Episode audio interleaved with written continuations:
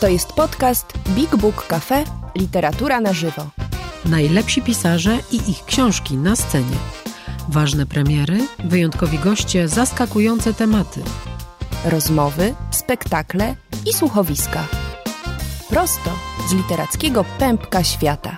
Posłuchaj i sprawdź, co mamy w repertuarze. Wejdź na bigbookcafe.pl lub odwiedź nas osobiście. Do zobaczenia i usłyszenia Dobry wieczór Państwu. Y, Witamy z, z Centrum Zarządzania Czytelniczą Rzeczywistością, czyli z Big Book Cafe, tego pięknego, kolorowego miejsca, które stoi w rażącym kontraście z dzisiejszą pogodą, bo choć jest wiosenny wieczór, pada deszcz i bardziej przypomina to moim zdaniem listopad, z czym należy walczyć wyobraźnią, różowymi spodniami lub literaturą, wydaje mi się.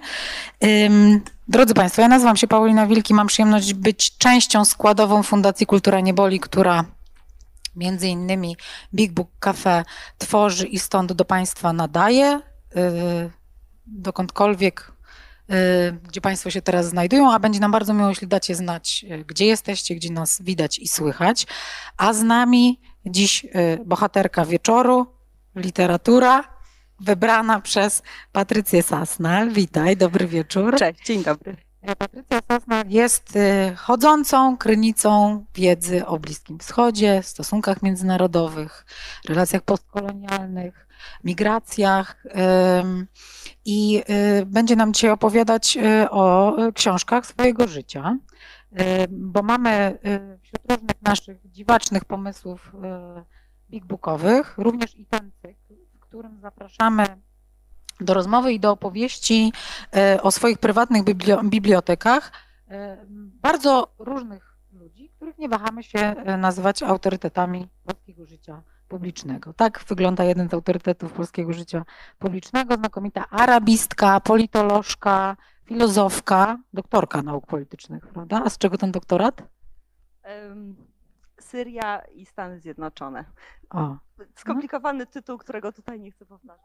A, temat wciąż y, niestety na y, czasie, nieustająco. Ym, Patrycjo, ty pracujesz y, w Polskim Instytucie Spraw Międzynarodowych y, i jesteś tam szefową Biura Analiz i Badań i analiz. Badań i Analiz, czyli właściwie co ty robisz? Zarządzam bardzo dużym zespołem, 45 analityków. Nadaję trochę kierunek badaniom. Jestem ostatnią czytelniczką każdego naszego tekstu. Y, I też zajmuję się Bliskim Wschodem i tymi wszystkimi tematami, o których wspomniałaś. A te badania, y, to właściwie jakimi metodami y, są prowadzone? Bo, bo, bo co wy badacie? Ja pytam z prawdziwej ciekawości. Jasne. Też wydaje mi się, że wielu z Państwa dokładnie nie wie, na czym polega taka, taki, taki styk y, y, nauki, która i dyplomacji, tak, jakby pe, pewnych analiz rozumienia świata, który jakoś, y, jak rozumiem, wspiera i kształtuje y, polską politykę zagraniczną i nasze miejsce w świecie. No, my się, tak, no my się dyplomacją nie zajmujemy. Zajmujemy się pracą stricte analityczną, czyli ten duży zespół podzielony jest na osiem grup, e, horyzontalnie i wertykalnie. Są grupy, które się zajmują Azją i Pacyfikiem, Afryką i Bliskim Wschodem, ale także jest grupa zajmująca się bezpieczeństwem międzynarodowym. My badamy stosunki międzynarodowe. W podziale na różne klastry e, każda osoba ma jakiś swój obszar pod sobą. Analizy, które tworzymy, są dostępne online, bo mamy taką, taki obowiązek statutowy, obowiązek ustawowy e, promowania wiedzy o stosunkach międzynarodowych w społeczeństwie, ale też wiele z tego, co robimy, robimy dla administracji, dla instytucji państwowych. E, To jest e, premier, to są ministrowie, to jest prezydent, ale to jest też Rzecznik Praw Obywatelskich, ośrodek e, do spraw cudzoziemców na przykład. Więc wiele rzeczy robimy po prostu dla instytucji I państwowych. te analizy wykonujecie na zamówienie również Tak tych, jest. tych instytucji, ale Tak. czyli jak rozumiem, do części waszych ustaleń i badań ja mam dostęp jako tak zwany szary człowiek, czy nie? Tak, większość jest online Okej. dostępna w dwóch językach, po Mhm. polsku i po angielsku, ale do części nie masz dostępu, No tak, bo one są wyobrażam zamawiane tak, w jakimś szczególnym celu i nie Mhm. są w otwartym dostępie. No i czy to jest fajna praca? Tak, To jest być może nawet zbyt fajna praca, w tym sensie, że no ja mogę się realizować naukowo, to co ja robię, mogę robić, a jednocześnie mam świetny zespół, znaczy ludzie tam pracujący są, każdy, każda jedna osoba jakąś krynicą wiedzy na specyficzny, szczególny, specjalistyczny temat. A dodatkowo nasza siedziba mieści się przy Nowym Świecie, w samym sercu Warszawy, co jest też bardzo ważne. Mamy długie tradycje. I tak, uwielbiam tam pracować. E, e, a, a, możesz, e, no z tych rzeczy, które są jakby publikowane, możesz, możesz jakby podać jakiś, jakiś przykład tego, nad czym ty ostatnio się zastanawiasz, bo ja wiem, że też duża część twojej pracy to jest bycie na walizkach w normalnych, tak zwanych prepandemicznych okolicznościach.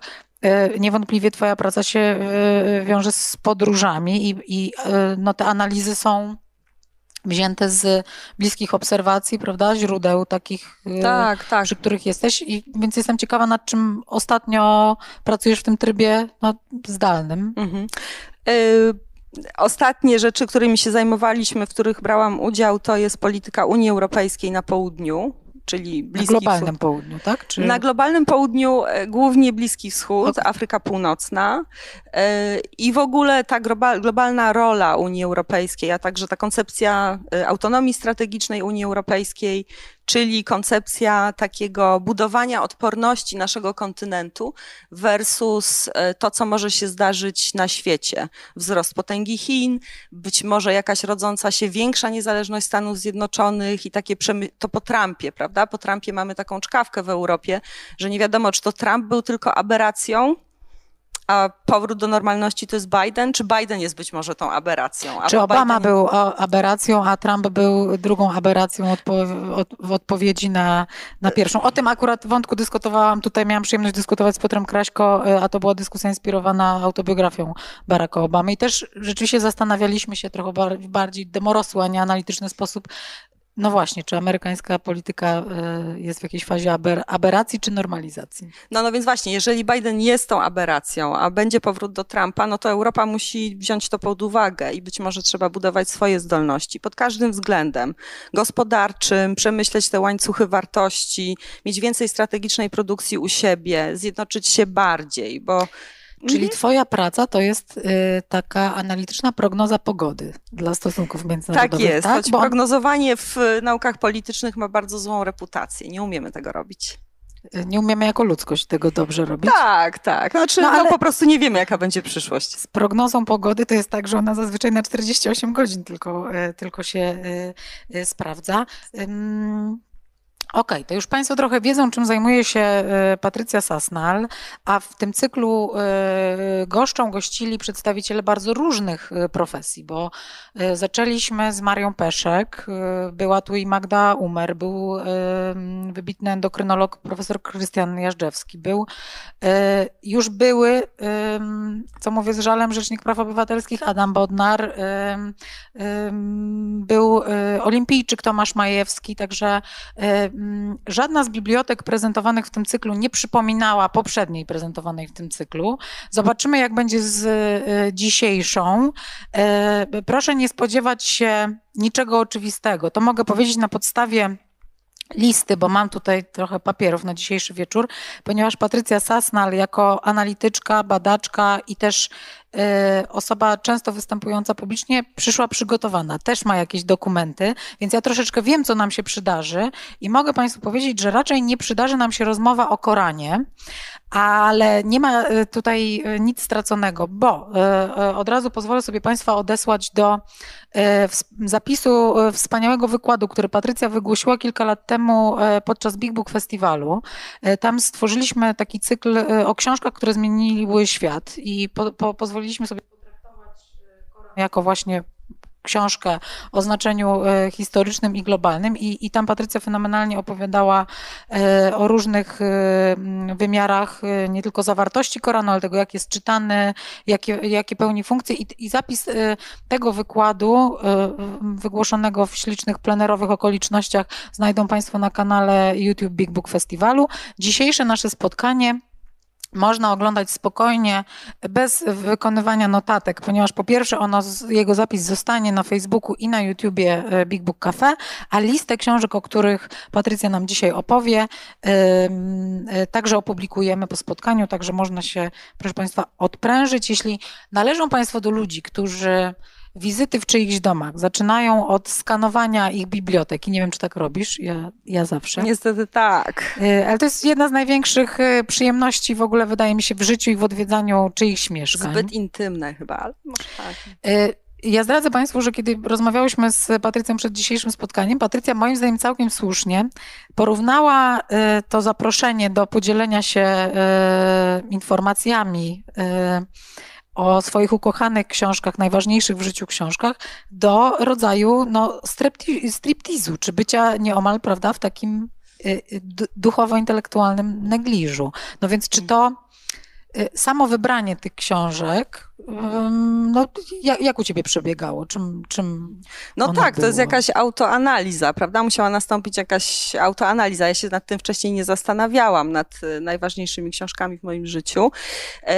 I też potem zrozumiałam, że one opowiedzą wiele o mnie, więc dlatego jak rozmawiałyśmy, powiedziałam ci, że nie wiem, czy wolę się tutaj może rozebrać raczej niż powiedzieć o tych książkach, ale jestem dzisiaj w nastroju takim ekspedycyjnym i pionierskim, ponieważ wczoraj zostałam zaszczepiona pierwszą dawką przeciw COVID-owi. Czuję się jak Yuri Gagarin, pierwszy człowiek w kosmosie. Jest trochę straszno, ale jest bardzo ekscytująco, więc jestem gotowa na to. Y, na, na, ten, na, na, na tą książki, tak jest. Dobrze. Proszę Państwa, ja jeszcze zanim, zanim Patrycja nam zacznie y, odsłaniać siebie poprzez ukochane książki, chcę powiedzieć, że dzisiejszy wieczór ma na razie tajemniczego patrona. I teraz, jeśli ktokolwiek z Państwa w ciągu najbliższych kilku minut zgadnie, kogo przedstawia ten wspaniały obraz Wilhelma Sasnala, brata Patrycji, to księgarka Julka, która jest z nami i monitoruje tutaj dogłębnie tę sytuację, e, wybierze dla tej osoby, która pierwsza prawidłowo zgadnie, kim jest bohater tegoż e, portretu, oczywiście książkę w prezencie, prawda? Dobrze mówię. Julia kiwa głową, Julia przyzna nagrodę książkową oczywiście. Także y, proszę strzelać. Y, jestem naprawdę bardzo ciekawa, czy, czy komuś z Państwa się uda, a my za jakiś czas dojdziemy, prawda, do, do tak, odsłonięcia tak, tak, tej tajemnicy. Tak. Dobrze, czyli y, czy Ciebie zaskakuje to, co leży na tym stole? Kiedy już dokonałaś tego wyboru, to w jakimś sensie, czy Ciebie zaskakuje to, co się jak się okaże, za chwilę składa się na listę najważniejszych dla ciebie książek w życiu. Pytasz o sumę. Pytasz tak. o sumę, nie o pojedyncze sztuki, prawda? Yy, nie, nie zaskakuje nie. mnie niestety. Czyli nie, to lustro nie. jest takie jakby okej, okay, zgadzasz się z nim? Tak, tak, trzeba po prostu spojrzeć w lustro prosto twarzą w twarz, niestety. Okej, okay, no dobrze, to y, czy... Mm, może zacznijmy tak dziwnie, przewrotnie. Czego nie ma w tym y, zestawie? O, świetne pytanie. O, nie ma lektury dziecięcej, tak? która wiadomo, no dla każdego jest ważna, dla mnie też była ważna. E, więc na przykład miałam czytane na dobranoc, e, miałam czytaną na dobranoc e, panią Twardowską, Adama Mickiewicza. Jak byłam bardzo małym dzieckiem, no nie chyba pięć lat czy coś takiego. I legenda rodzinna głosi, że któregoś dnia ja skończyłam za tatę tę panią Twardowską. Ja rzeczywiście znam ją na pamięć. Skończyłaś Jedzą, ją mówiąc, piją, czy po prostu... tak. Posłuchajcie, jedzą, piją, lulki palą, tańce, hulanki z fawola, ledwie karczmy nie rozwalą. Ha, ha, he, he, hi, hi, hejże, hola. Usiadł Twardowski u stołu, podparł się w boki jak basza i krzyczy hulaj dusza, hulaj, śmieszy tumanie, przestrasza. Żołnierzowi zagrał z ucha. I tak mogę do końca. To jest po prostu gdzieś na czarnym, twardym dysku nie, nie, niewymazywalne. A y, szybko się nauczyłaś czytać? Tak, tak, byłam, tak, bardzo szybko. Wyrywna umysłowo byłaś, tak? Od maleńkości? No, chyba tak. Chyba tak. Czyli, czyli y, to czytanie y, w domu, czyli pierwsze wspomnienia z książką to jest... To jest pani to dorosły czytający Tak, ci. tak. Mhm. Ym, ale też muszę powiedzieć, że y, jest kilka książek, tak, trzeba je wspomnieć. To są baśnie Andersena i to w wydaniu takim trzytomowym, szkoda, że nie przyniosłam jednego tomu, one były ilustrowane tam Strumiło i Stanny nie wiem, czy Państwo kojarzycie, ale pewno, to tak to mocne, tak mocne obrazy, na przykład taki ptaszek metalowy z trupią czachą na, y, na, na gałęzi, zdaje się. Po prostu widzę to teraz i do tego ta dziewczynka z zapałkami, no po prostu dramat, horror. Czyli to, przerażające. Tak, tak, ale no ekscytujące też w pewnym sensie, prawda? Albo bracia Grimm. No więc to były, to były rzeczy, ale też komiksy, tak? Czytałam y, Tytusa dużo. W ogóle uważam, że komiks powinien być lekturą y, szkolną y, y, zamiast, zamiast klasyki, chociaż o klasyce też będę chciała powiedzieć. Mhm. Y, No ale pierwsza taka świadoma książka, ogromne na mnie zrobiła wrażenie, poszukam gdzieś tutaj. Jest. Y, To jest y, Germinal Emila Zoli.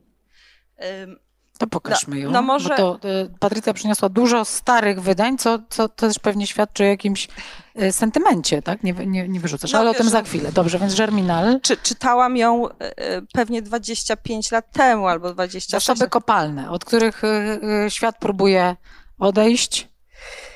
No i Tak. jak zapamiętałaś tę lekturę? No nie, no jest to, jest to opowieść o pognębieniu środowiska robotniczego, w tym wypadku górniczego.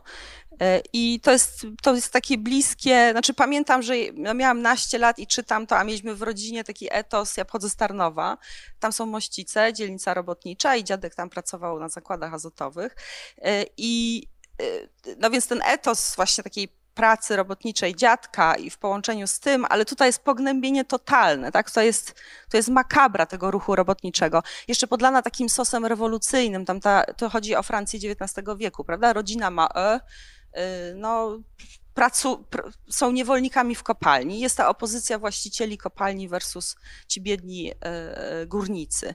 I pamiętam jeden obraz z tej książki bardzo wyraźnie.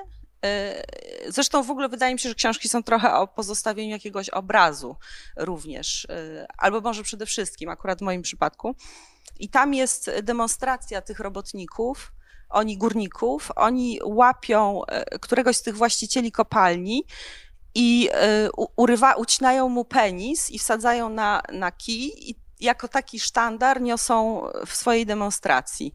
E, I to zrobiło na mnie ogromne wrażenie, to jako taki jeden obraz tego Emila Zoli. I w ogóle to była, no to jest naturalistyczna e, literatura, bardzo ją potem lubiłam i szukałam w innych książkach. Ale y, to zatrzymajmy się tutaj na chwilę, bo tak przeszłaś szybkim ruchem od takich lektur i od tego momentu, kiedy jako mali ludzie no nie wybieramy sobie tego, co czytamy. Jednak Tak. bardzo jesteśmy rzeczywiście zależni od, od rodziców, od, od ich wyborów, czy od dziadków, no jednak od dorosłych i tak jak słusznie powiedziałaś, to są, pewnie gdybyś nie kochała pani Twardowskiej, to byś jej nie, y, nie, nie zapamiętała, a przecież bardzo wiele dzieci Chyba jakbym E, ojca nie kochała, to bym jej nie może, może tak być, chociaż akurat Maria Peszek y, trochę nam tutaj opowiadała, jak tato ich dręczył różnymi, na przykład swoimi teatralnymi lekturami, które musiał przeczytać i przećwiczyć i oni z bratem tego wysłuchiwali. Y, A jednak wiele dzieci kocha czytanie w kółko tego samego i jak y, mama opuści jedno słowo, to jest natychmiast poprawiana.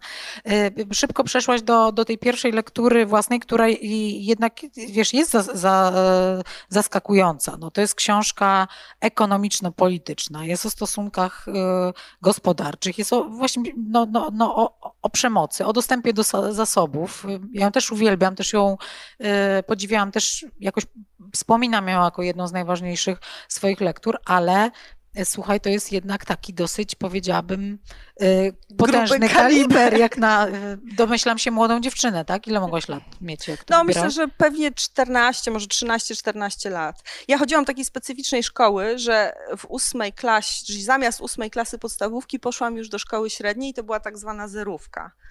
No i mieliśmy tam, miałam tam taki indywidualny tok nauczania z polskiego ze świetną polonistką Lilianą Pyzińską, którą pozdrawiam. E, I myślę, że to dlatego, e, że ona wybierała coś takiego.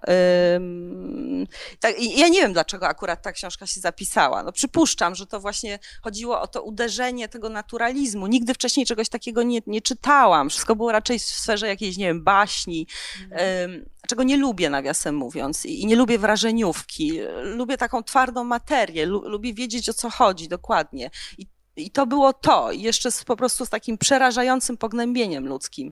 Więc ona mną tak targała, pamiętam. To było coś bardzo mocnego. Powiedziałaś, że po tej, e, po tej lekturze e, szukałaś, tak? Takiego realizmu, naturalizmu. Tak, i... tak. Ale właśnie ja chciałam ją połączyć, jeśli pozwolisz, z, z drugą książką, której chcę wspomnieć choćby e, przelotnie, z Płomieniami Stanisława Brzozowskiego, które przeczytałam dużo później, ale one się łączą dla mnie właśnie z Żerminalem.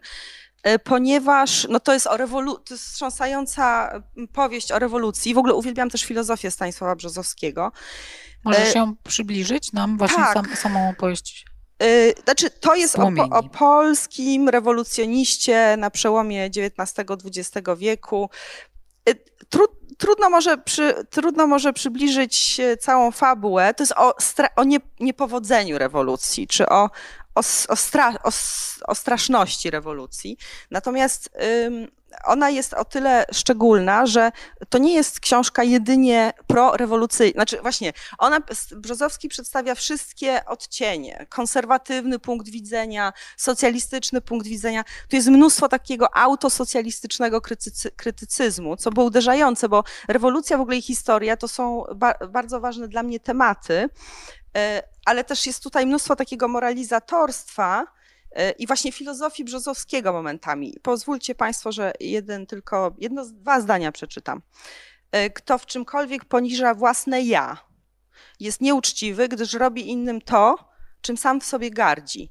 Kto się dla innych upokarza, poniża innych, lekceważy ich, pogardza nimi, dając im z siebie nie to, w czym siebie szanuje. No więc to nie jest tekst powieści, prawda? To jest, to jest, to jest powieść historyczno-filozoficzna. Y, y, I, I dlatego mnie uderza, ale y, ja po prostu znam dużo tekstów Brzozowskiego i taka, i taka fi, filozofia, z nawiasem mówiąc też chyba z ilustracjami mojego O, brata. ilustracje Wilhelm Sassner, No, mam bardzo. takie wydania, mam takie wydania. Takie wydanie. Krytyki politycznej, ale... Tak, z 2007 mm. roku.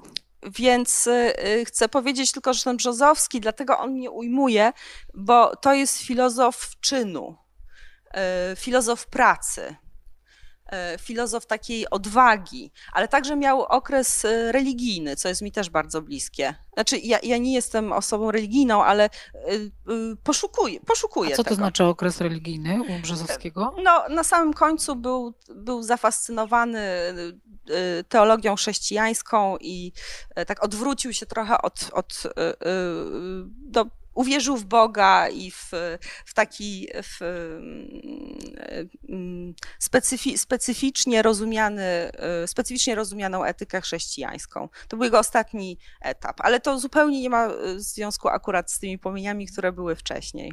Znaczy właśnie, czyli to jest ten, ta etyka czynu, y, czy filozofia czynu bardziej, filozofia pracy. A czy to jest książka, do której ty wracałaś później?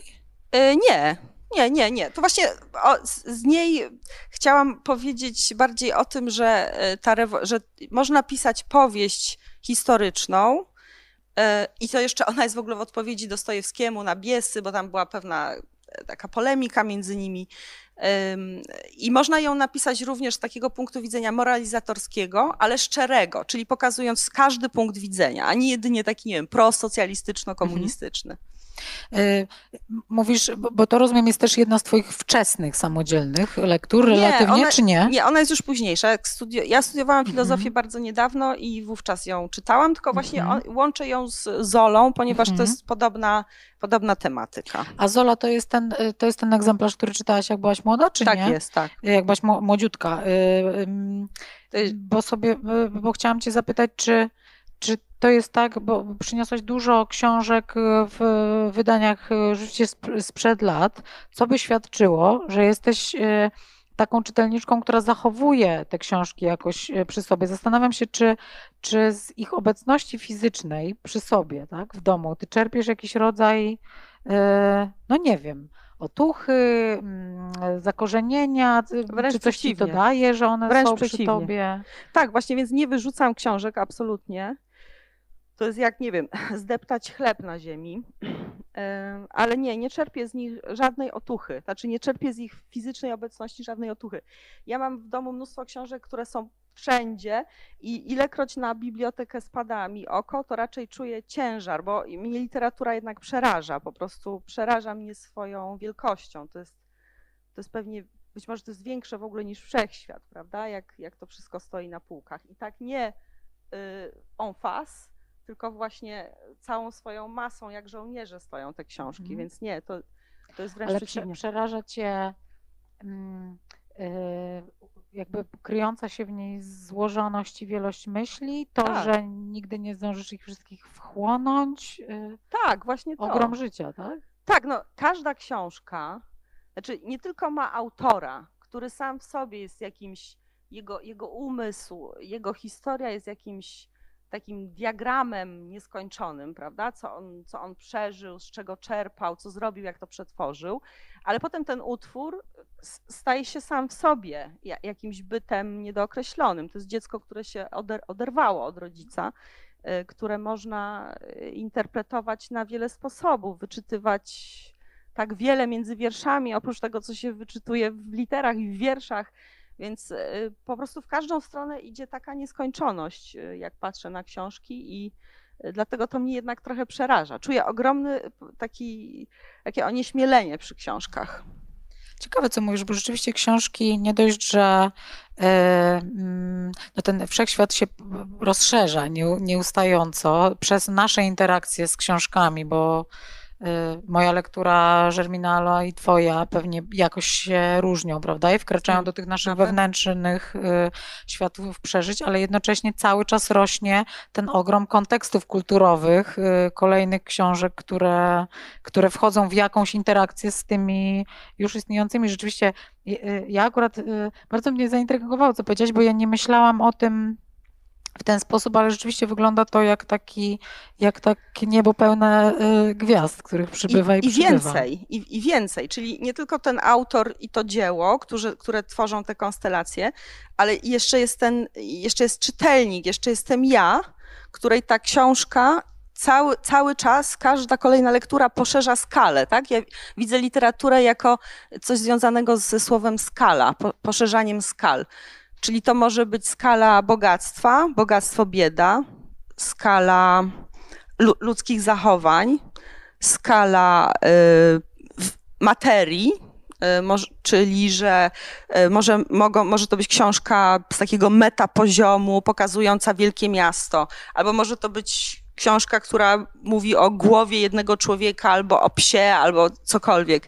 Więc po prostu książki rozszerzają skalę. To jest trochę jak, to jest jak, podr- jak podróż. Y, Na, nawiasem mówiąc, jest taki cytat mi bardzo, y, bardzo drogi, Miguela de Unamuno, który powiedział, że literatura leczy faszyzm, czytelnictwo leczy faszyzm, a podróżowanie leczy rasizm.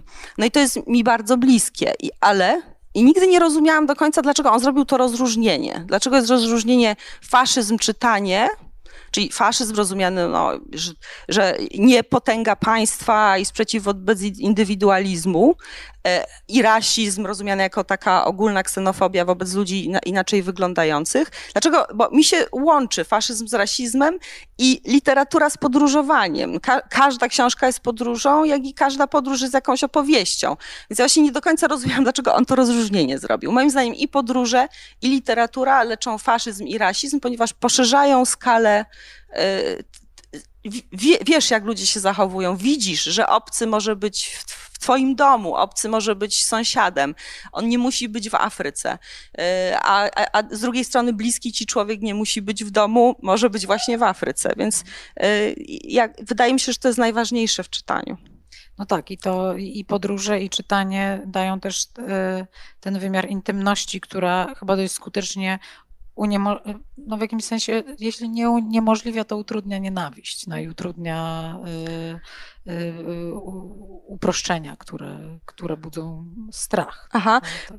No właśnie, Mam bo nadzieję y, y, tak bym trochę to zniuansowała albo sproblematyzowała, bo właśnie mimo tego rozszerzenia skali i takiego za, być może zamazania tej opozycji ja obcy, y, to jednak trzeba mieć y, trzeba mieć jakieś kierunkowskazy, żeby nie popaść w totalny relatywizm, bo skala nie, nieskończona, pozwa- w takim razie można argumentację wymyśli, wymyśleć do, każdej, do każdego zachowania, prawda. prawda? Więc właśnie w literaturze też, czyli nie tylko poszerza tę skalę, ale też pozwala znaleźć jednak jakieś oparcie i jakieś wartości. I wszystko... A propos oparcia i wartości.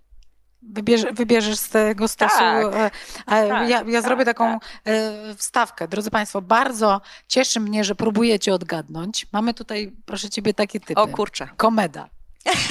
Tyrmand. Roy Orbison, Iwaszkiewicz albo młody Orson Welles. E, musimy Państwa rozczarować. Nie. I powiedziałabym no, no, no, no, że chyba jest bardzo, bardzo zimno. No, Gdybyśmy no, się bawiło w zimno, ciepło, to... Jest zimniej niż dzisiaj, to na pewno. Tak, y, ale jeśli jest ktoś odważny, to jeszcze e, proszę próbować. Ja bym tak proponowała, mm, no, no mm, nie wiem jak to powiedzieć, pokoleniowo, nie wiem jak to powiedzieć, bo tak, no, na pewno, może tak, bliżej... Yy, geograficznie bliżej komedy niż Roya Orbisona, to, to, to na pewno, to tyle możemy powiedzieć. A tak, bardzo słusznie. E, I e, ten mężczyzna nie, nie słynie ze swojego wizerunku. Słynie z zupełnie innych rzeczy. No dobrze, e, to, to drogowskazy i wartości. Jest tutaj no w tym jakiś taki filar twój? Tak, tak, tak. Twój no to ten człowiek, Erich Fromm, to jest mój filar. Erich Jego nawet Fromm? są Chyba tak, mamy więcej niż jedną książkę. Tu jest Ucieczka od wolności, wydawnictwo Czytelnik, akurat w tym wydaniu. Powiem Państwu z kiedy? Z 1900... Nie, przepraszam, niemożliwe. E, to jest akurat z... Nie wiem z kiedy. To wydanie 99 rok, akurat to. I jeszcze druga jego książka, mam wszystkie, Rewolucja Nadziei, ale mo mogę te nadzieje tutaj gdzieś odłożyć albo tak postawić. Jest rewolucja nadziei, ucieczka od wolności, ale rozumiem jako po prostu reprezentanci, tak? Dużego składu Froma w twoim twojej bibliotece? Tak jest, tak, dlatego że to jest człowiek od, to jest moralist, był moralistą, znaczy psychiatra, filozof niemiecki, uciekł do Stanów e, z, od, z, y, od wojny. I chciałam w takim razie może zacząć, jeśli pozwolisz, cytatem, bo właściwie mi się wydaje, że on tu y, mówi wszystko, e, a potem powiem, E, co z niej wyciągam z tej książki. E, przeciętny, normalny człowiek nie doświadcza jednak tego ostrego poczucia izolacji i niemocy, jakiemu dają wyraz wspomniani pisarze i które odczuwa wielu tak zwanych neurotyków. E, zanadto by to go przerażało. Kryje to przed nim codzienna rutyna jego zajęć, oparcie i uznanie czerpane z prywatnych albo społecznych powiązań, sukces w interesach, różne rozrywki, zabawa, nawiązywanie znajomości, odwiedzanie. Lecz nawoływanie się w ciemności nie przynosi światła. Osamotnienie, strach, przerażenie trwają. Ludzie nie mogą tego znosić wiecznie. Nie mogą dźwigać wciąż brzmienia wolności od jeżeli nie mogą przejść wolno, od wolności negatywnej do pozytywnej. Muszą spróbować całkowicie uciec od wolności. I teraz y, to była książka absolutnie odkrywająca y, dla mnie y, motywacje ludzkie. Y, chodzi mi o, o to, jak wolność, jakim ciężarem jest wolność. To jest książka o tym, że wolność pozytywna, czyli wolność do czegoś, wolność do decyzji, wolność do zmiany, wolność do reprezentacji, e, wolność do myśli, to jest pewna odwaga, to jest i ciężar. E, że ludzie często wolą się zatrzymać na tej wolności negatywnej, czyli wolności od opresji innych, takiego bezpiecze poczucia bezpieczeństwa. I, I, to już wystarcza, bo ta książka to jest o społeczeństwie niemieckim w czasie Hitlera, prawda? Nie wiem, czy Państwo wie, znacie tę historię. Ona uważa się, że tłumaczy, dlaczego Niemcy poparły Hitlera ponieważ takie były warunki społeczno-polityczne wówczas, że ludzie potrzebowali bezpieczeństwa, tego, takiej, tej wolności od. Niemcy, tacy pognębieni po I wojnie światowej, tymi reparacjami i tak dalej. Wobec tego y, potrzebowali silnego przywódcy, poczucia bezpieczeństwa, lidera, no i stąd ten, stąd ten nazizm. Y, natomiast ona mówi jeszcze więcej, ta, ta książka, właśnie o tej wolności do, y, i, I, więcej, i Fromm jest takim piewcą, ponieważ to jest moralista. Ja bardzo lubię moralistów. Oni są, oni są jakoś, jakoś niepopularni dzisiaj, E, ale on mówi, że e, żeby móc być wolnym do, żeby być odważnym, potrzeba nadziei i miłości. No i to jest oczywiście takie chrześcijańsko-śmieszno-idealistyczne, ale rozwija to w całej serii swoich książek e, gdzie indziej. No i ta nadzieja jest szczególna, znaczy miłość też jako, jako taka siła motywująca, budująca, e, ale nadzieja przede wszystkim jest ważna. Nie jako emocja, nadzieja versus strach, tylko jako pewna postawa. Postawa, która pozwala kreować rzeczywistość w przyszłości.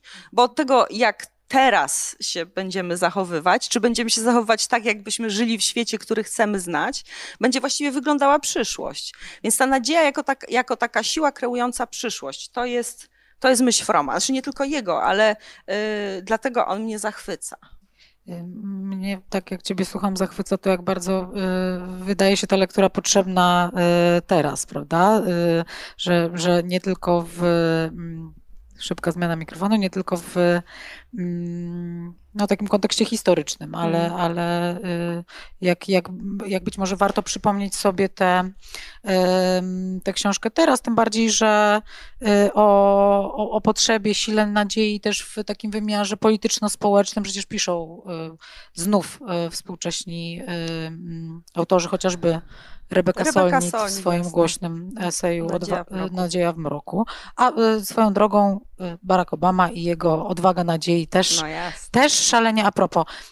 Myślałam, kiedy mówiłaś o tej książce, przyszło mi do głowy takie pytanie, mm, jak bardzo tego typu lektury pomagają ci być dobrą w twojej pracy. No bo y, zajmujesz się badaniem, analizowaniem świata, więc no, y, również ludzkich dążeń, motywacji, strachów. Y, no bo z, z, tego składa się ta straszna, straszna polityka, o którą tak tak w jakimś sensie y, mam poczucie spłycamy często. Myślę w masowym przekazie, że ona jest bardzo spłycona, zbrutalizowana, taka wydaje się nieinteresująca. Ja akurat y, też y, mam wykształcenie politologiczne, więc wiem, że ona może być czymś innym, czymś głęboko fascynującym. No więc, no więc może takie szerokie i duże pytanie, ale, ale jaki, jaki wpływ te lektury mają na to, wiesz, co ty, co ty jesteś w stanie zrozumieć, e, wybadać ze świata dzisiaj.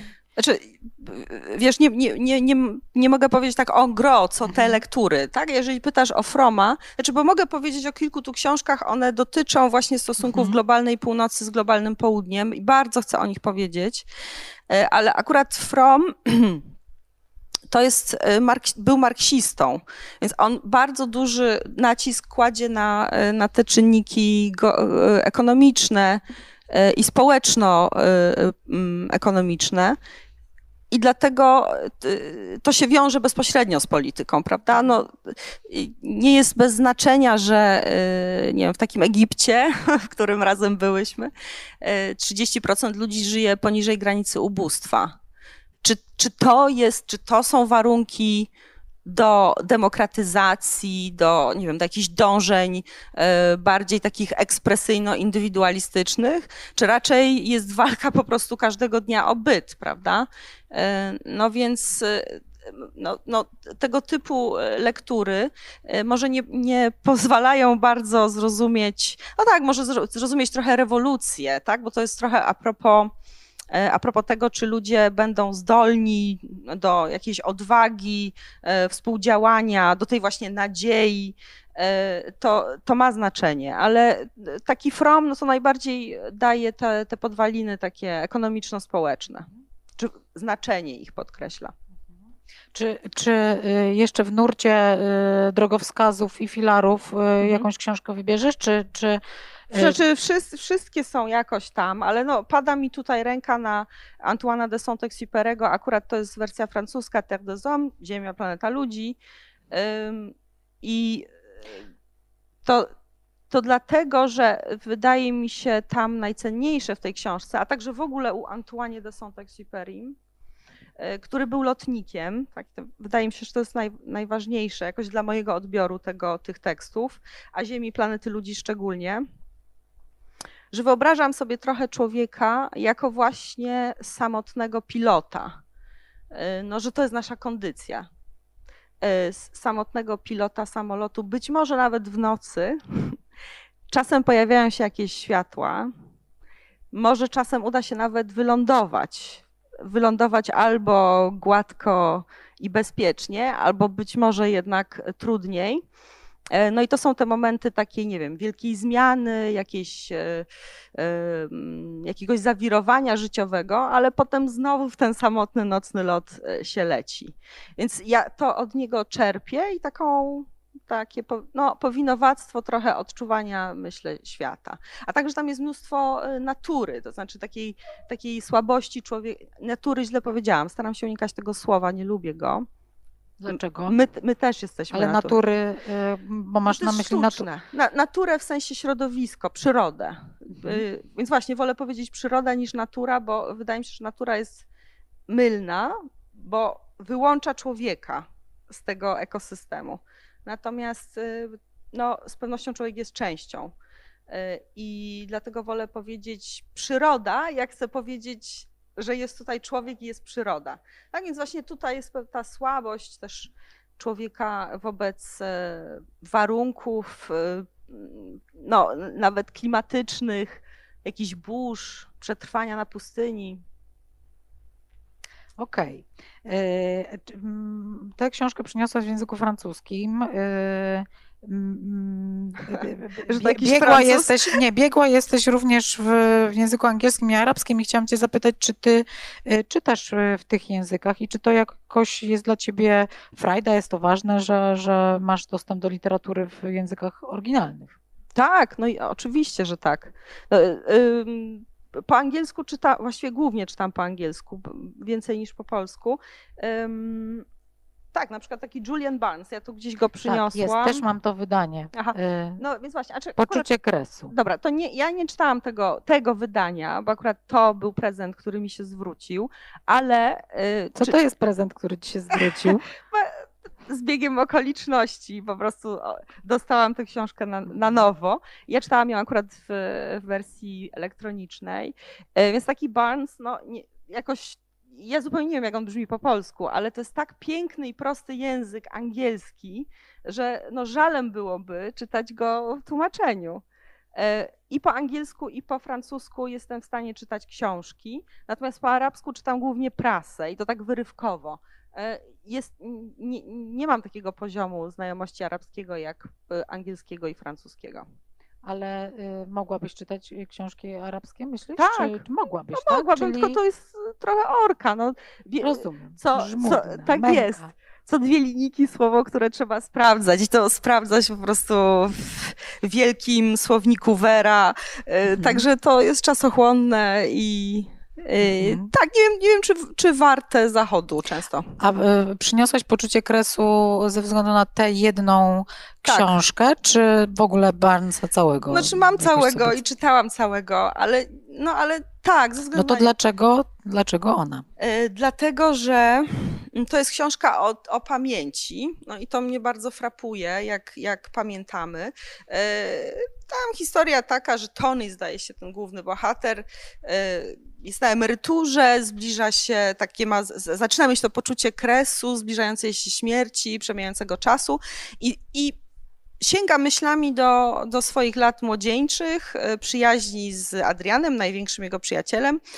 No i e, wraz z tą opowieścią odkrywamy, że jego pamięć, znaczy on zapamiętał wydarzenia zupełnie inaczej niż one przebiegły. No i to jest przerażające dla mnie, y, że nasz umysł płata nam takie figle, tak? Że dostosowuje to, co pamiętamy do, do, do naszego samopoczucia dobrego. Wobec tego, nie pamię- wobec tego nie pamiętamy, jak było. E, a szczególnie zaczynamy pamiętać, czy, czy wracać do przeszłości, im bliżej jesteśmy kresu, prawda? Więc ja sobie wyobrażam to, jak w, y, z czasem będę chciała coraz więcej pamiętać z przeszłości, a będę pamiętać to fałszywie. To jest taka, y, to jest taka, y, to jest jakieś, to jest bolące, to jest dla mnie trochę nie do, nie do udźwignięcia. No a, a poza tym to fascynujący właśnie jest ten język prosty. On jest tak uderzający, to jest krótka książka z taką elegancją napisana, z taką brytyjską elegancją i no, uważam, że ona jest urocza. Mimo, że może, no nie wiem, nie jest jakoś tak strasznie odkrywcza, choć, choć dla mnie była. To było jak trzęsienie ziemi. Jest przepiękna i myślę, że to, to jest taka literatura z wielką mocą. Zresztą e, chyba niespełna rok temu prezentowaliśmy ją Państwu w cyklu Nagłos. To jest taki cykl, w którym zapraszamy Państwa na słuchowiska e, na żywo. Aktualnie mamy przyjemność tańczyć z literaturą francuską. Polecam Państwu. E, ja, ja, ja też Barnesa kocham i też cieszę się, że akurat język angielski daje mi dostęp do niego w oryginale, kiedy Cię słuchałam to niestety, jak mówiłaś o pamięci, to przypomniało mi się takie, takie coś, że jak zdawałam do liceum i miałam tam egzamin z języka angielskiego, to panie mnie zapytały, o czym najbardziej marzę. I ja im powiedziałam, że chciałabym przeczytać Davida Copperfielda w oryginale. I takich tym urzekłam, a nie wiem, czy to było prawdziwe, czy ja tak zagrałam pod publiczkę, ale takim powiedziałam, że to jest moje marzenie. Tak, i dostałam bardzo wysoką ocenę, dzięki której dostałam się do tej szkoły. Także może y, warto mieć marzenia. Y, nie ustają próby naszych y, widzów w odgadnięciu, kto jest bohaterem tego oto wspaniałego obrazu autorstwa Wilhelma Sasnala. I odpowiedź brzmi, nie jest to Lew Starowicz, proszę Państwa. E, Choć lubimy. E, I mamy też pozdrowienia z Tarnowa. Cieszymy się, że jesteśmy tam widziane. Muszę cię o to, muszę cię, cię o to zapytać, no bo, no bo przede wszystkim jesteś arabistką, tak? Albo nie, jest to ważne, nie, nie, nie, prze, nie jest, przede wszystkim, jest. ale no ten Bliski Wschód i, i twoja praca z nim związana jest jakoś ważna i oczywiście jak sobie myślę o wspomnianej przez ciebie naszej wspólnej podróży, bo miałyśmy taką przyjemność być e, razem w e, Kairze i mieszkać właśnie sobie w sercu starego Kairu i pić tam herbatę wśród starszych panów e, pykających fajkę i grających w różne gry planszowe, no to, to muszę ciebie zapytać, czemu na tym stole nie leży nie wiem, Najib Mahfouz, tak, y, Tahar Benjelun i tak dalej, i tak dalej. To znaczy, jak, jak to się y, stało, że wśród tych książek najważniejszych y, w twoim życiu nie ma tego składu literatury arabskiej? No bo pytanie było o książki najważniejsze w mhm. życiu i nie mogłam przynieść pięćdziesięciu.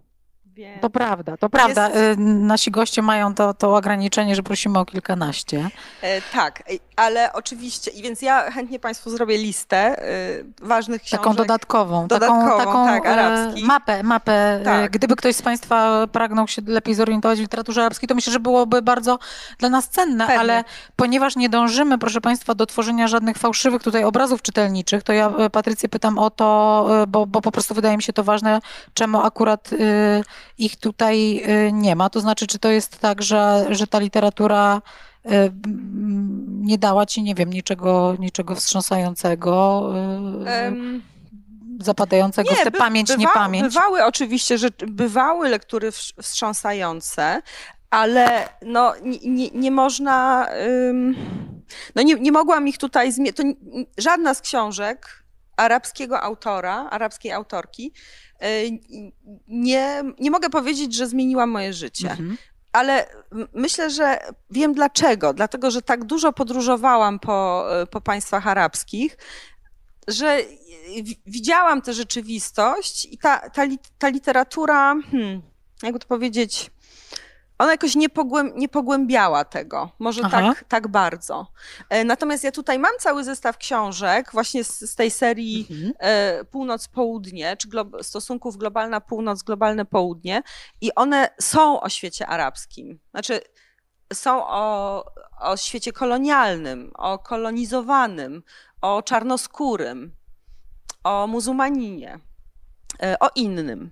Więc to są te książki, które zmieniły moje mhm. życie, mhm. dlatego że ustawiały jakoś, ustawiały stosunek do, do, do, in, do inności, y, ustawiały stosunek do nawet do, rażą, do rażącej inności. I dopiero czas mi zajęło, wiele podróży, wiele lektury, żeby zrozumieć, że to nie ma żadnego znaczenia, po prostu żadnego. Znaczy różnice. Inność. Inność, tak. Y, I... Czyli masa Twoich doświadczeń i lektur kompletnie zredukowała e, istotność tego, że ktoś jest odmienny? No tak, no tak, no właśnie wydaje mi się, że tylko po, po to jest, że głównie po to jest literatura i podróże. Żeby, to, no właśnie, żeby zrozumieć, że, że jesteśmy, że jest między nami jakaś wspólność. E, No i właśnie, nie ma tutaj Murzyna z załogi Narcyza, bo akurat pożyczyłam Józefa Konrada. Murzyn z załogi Narcyza to chyba jest jedna z mniej znanych książek Konrada. No mniej, mniej znanych i w ogóle mniejszych objętościowo, ale, no, ale moim zdaniem jest ważniejsza niż jądro ciemności, słowo daje. To opowiedz nam y, trochę o niej. Ja jej nie czytałam, więc, mhm. y, więc chętnie się dowiem, dlaczego warto. Mhm. Po pierwsze, y, wstępem do tej książki, znaczy jest wstęp do tej książki samego Konrada.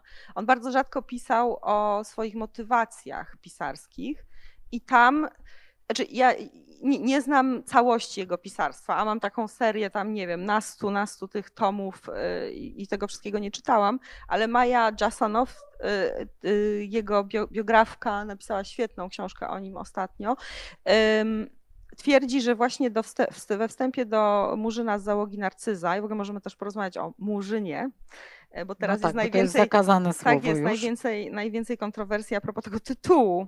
Moim zdaniem zupełnie nie y, odbiera to tej książce wagi. Y, ona twierdzi, że tam jest jedyne credo, y, taka wyjaśniona motywacja pisarska Konrada. I on pisze, że pisze po to, żeby pokazać wspólność, właśnie pokazać wspólność ludzi. No więc to jest człowiek, który pisze na początku globali ery globalizacji, E, pisze, wymyślił zupełnie i poczuł, był tam, zupełnie niewiarygodną scenerię, bo ta historia grup ludzi na statku, musowo zamkniętych, jako taki mikrokosmos społeczny, jednocześnie z tą pustką dookoła, a także z szalejącym niebezpieczeństwem burz i utrzymania tego kursu, tego statku, ładunku, zanurzenia, E, to wszystko jest bardzo taką sprawną metaforą no w ogóle na, na, naszego życia e, tu i teraz. I dlaczego ten Murzyn jest ważny? No bo tam jest czarnoskóry człowiek jako główny, jeden z głównych bohaterów, choć jest on taki troszkę enigmatyczny, on jest cały czas chory, James Wade. I statek płynie z Azji do, do Europy. E, po drodze no, kładzie się pod wpływem burzy. Jest absolutnie tragiczna sytuacja.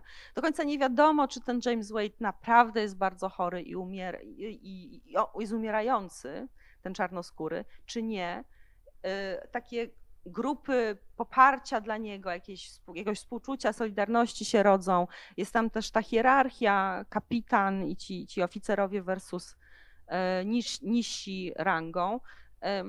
No i znaczy ja nie chcę opowiedzieć tej książki, bo być może Państwa zachęcę do przeczytania jednak, bo jest, bo jest naprawdę krótka, jak na Konrada. I, I ta inność tego czarnoskórego, zresztą w ogóle odczucie czarnego koloru skóry, wydaje mi się, że w ogóle nie mamy tego w Polsce przepracowane, jest tak diametralnie odmiennym doświadczeniem od wszystkiego innego, od doświadczenia bycia muzułmaninem, Żydem, E, no, no, Chińczykiem, e, że, że nie, nie uświadamiamy sobie tego, jak, jak specyficzna to jest sytuacja. A wyjaśnił mi to e, i inny autor, i również w tej książce, Wyklęty ludziemi, Franz Fanon, a także w białych maskach, czarne, cza, biała skóra, czarne maski, white skin, black masks. I Franz Fanon tej książce akurat opowiada o skolonizowanym, to był czarnoskóry psychiatra z Martyniki, e, Fra, no Francuz, nomina, Francuz z, z, paszportu, że tak powiem, e, walczył po stronie Francji w II wojnie światowej, doznał tam rasizmu w tej Francji. Ostatecznie wylądował jako zwolennik ruchów narodowo-wyzwoleńczych algierskich i nawet walczył, czy walczył powiedzmy, no nie wiem, ze stetoskopem e, po stronie Algierczyków przeciwko Francji, tak jako Francuz, więc to jest na tyle e, szczególna historia. I Fanon e, pisze właśnie o tym pognębionym człowieku, nie w tej książce pisze o człowieku czarnym, tylko pisze w ogóle o kolonizowanym, który jest wyzuty ze wszelkich środków wyrazu, walki poza fizyczną agresją, poza przemocą. E, I ta książka jest interpretowana poprzez wstęp do niej, który napisał Jean-Paul Sartre.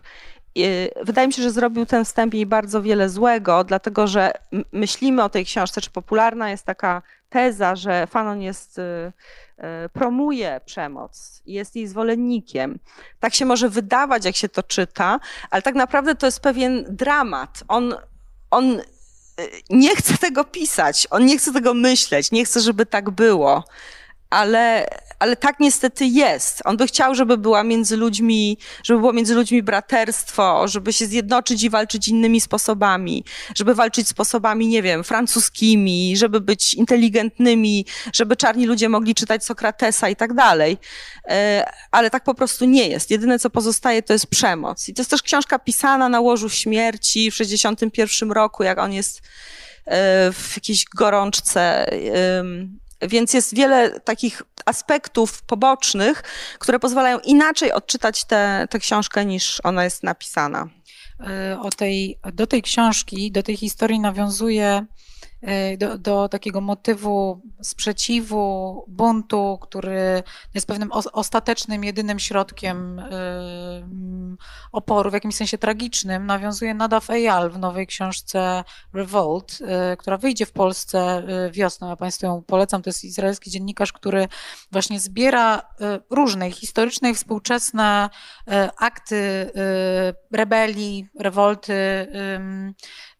łączy je w pewną całość, i on akurat y, szuka jakiegoś wspólnego mianownika dla nich jako, jako takiego dowodu y, oporu ludzkości przeciwko y, procesom globalizacyjnym. Więc ta, ta, ta historia wraca, wraca we współczesnych rozważaniach właśnie o, o, o rewolcie jako jakiejś akcie rozpaczy też. Tak, no tutaj jest więcej, tak, bo chodzi o przemoc, znaczy po prostu chodzi o przemoc fizyczną, o zabijanie. Um, ale to nie wiem, nie wiem, na ile Państwa interesuje to. W każdym razie myślę, że można inaczej odczytać Fanona, ale to jest, to jest po prostu przerażająca lektura. Y, ja, jakbyś, no nie wiem, jeżeli ktoś z Państwa byłby zainteresowany takim odczuciem e, skolonizowanego człowieka, tak jak to na przykład wyglądało w Algierii, jak wszystko było rozdzielone, jak nie można było podać ręki, jak pogarda była wszędzie na, na, e, na ulicy, na porządku dziennym, jak byli ludzie różnej kategorii. Tak, bo Algieria była, to była Francja, to, to, to, nie, był, to nie było państwo, to nie, było, e, nie była kolonia, mandat, to była Francja. E, I, I dlatego też tak Francuzom było się trudno z nią rozstać ale no nie wiem, na przykład na stadionie 20 tysięcy ludzi wymordowanych y, w 50 tam zdaje się czwartym roku. No, historia naprawdę strasznej, strasznych wojen, dwóch wojen, albo właściwie takiego ciągu, e, ciągu przemocy, który, który pozostawia tym ludziom jedynie też przemoc jako odpowiedź. Ale jak mówię, Fanon tego nie chce. On pisze bardzo dużo w takim duchu humanistycznym, właśnie braterstwa, e, takiej gdzieś cały czas z tyłu między wierszami wyczytuje się taką, taką nadzieję, że być może ta przemoc, nie wiem, ostatecznie się nie ziści, może, może coś się stanie, może zjednoczy się na przykład trzeci świat. Dziś się nie mówi e, nie mówi się o trzecim świecie, tylko mówi się, no nie wiem, o państwach e, rozwijających, rozwijających się, tak, albo no, biedniejszych, że może ten świat się zjednoczy przeciwko temu kolonizatorowi. Kolonizatorowi pod każdym względem kulturowym, ekonomicznym, politycznym. E, no ale tak się nie stało, e, choć oczywiście procesy dekolonizacyjne się działy i dzieją. Czyli Czyli też akt, literatura jako akt y, nadziei ostatecznie. Tak. tak? E, powiedz, y, bo chciałabym, żebyś kontynuowała tę opowieść o stosunkach północ-południe mhm. i, i, i y, kolonizacji, mhm. ale, ale w takim nawiasie do tych lektur mm, jest ci ciężej od czytania tych książek? Wiesz, od wiedzy o tym, jaki świat no, jest też okru, ok, okropny, okrutny? No, czy ciężej? Ra raczej cały czas mam poczucie, że coraz mniej wiem. E, jest taka, taka piękna pozycja, bardzo stara, już nie pamiętam, który to jest wiek, Mikołaj Skuzy, de docta ignorancja o uczonej niewiedzy. No i tam jest ta teza słynna, którą dziś w jakiej formie jakiegoś żartu powtarzamy, że im więcej wiem, tym więcej nie wiem, no ale tak jest. Tak, może jest ciężej, ale tym, tym żwawiej i tym bardziej żywiołowo poszukuje czegoś stałego, jak, jakiegoś fundamentu. E, I, I, właśnie takich wartości, które pozwolą w całym tym amalgamacie e, e, płynności no, jakoś funkcjonować, podejmować jakieś decyzje. No dobrze, to, to pokaż nam następny jakiś filar, albo, albo y, tak, zostajemy jeszcze przy tych y, Aha, globalnych znaczy, stosunkach? Znaczy, to może tylko, no bo to bardzo ważna książka, bardzo chciałabym ją polecić, bo jest po prostu taka do czytania, no. E, Smutek tropików Claude'a Levi-Strossa, nie wiem, czy to, nie wiem, czy to będzie widać, bo jest taka wytyrana. Wyczytana, okładka tłoczona, pełna e, notatek tak, bo i robię, zaznaczeń. to jest indeksy w książkach swoje i czasami wsadzam jakieś wyimki z gazet, żeby Aha, ale Piękne tutaj... wydanie PIF-u z 1960 e, roku z erratą zawierającą Pokaż. ważniejsze błędy. Słuchajcie, Państwo, tą erratę trzeba przeczytać. Podam Wam dwa przykłady. Tu można pękać ze śmiechu. Właśnie, bo humor jest y, przy wielkich tematach i strasznie ciężkich. Uważam, że humor jest niezbędny. Niektóre książki y, go mają. Ta akurat nie, nie ma, ale Rata jest tutaj, robi tutaj Całą za robotę. element dowcipny. Słuchajcie, jest miasto, ma być rząd. Jest umiejąc, ma być nie umiejąc.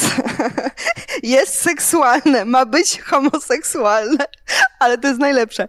Jest w Wysokich Pirenejach, ma być Górnej Prowansji. Ja nie wiem, jak można się tak a, pomylić. A są, to, a są to tylko ważniejsze błędy. E, no dobrze, ale jak mamy ten smutek tropików, e, lekturę no wielką i ważną, ale chyba wydaje mi się, że ona wymaga przybliżenia, bo, bo na pewno tak. wśród naszych widzów są tacy, dla których jest to jakoś y, pozycja oczywista i tacy, którzy jej nie znają, więc proszę powiedz mhm. trochę co w niej jest i co, co, co w tobie zostało z niej. To jest y, Claude Lévi-Strauss, y, etnolog, antropolog, ale też filozof akurat pisze o podróży do Brazylii i o poznawaniu plemion tamtejszych y, brazylijskich, Bororo, Nambikwara. Najbardziej lubię Nambikwarę. Y, ale, ale to jest właściwie opowieść no, o jego wykształceniu we Francji, o tym, co to znaczy poznawać innego. Y, wiele tam jest też takich, takiego cofania się do jego podróży do Indii, refleksji ekonomicznych, ale, ale to, jest, no, to jest jednak opis też tych plemion, tak? Fizyczny opis plemion, na przykład ich malowideł na ciele. Wspaniały zupełnie i najważniejsze pytanie, co, co we mnie zostało, bo to jakiś jest drogo, taki drogowskaz. Stosunkowo niedawno ją czytałam, za późno myślę, ale tu jest, y, tu jest coś, co trzeba przeczytać, jeśli pozwolicie Bardzo proszę. Państwo.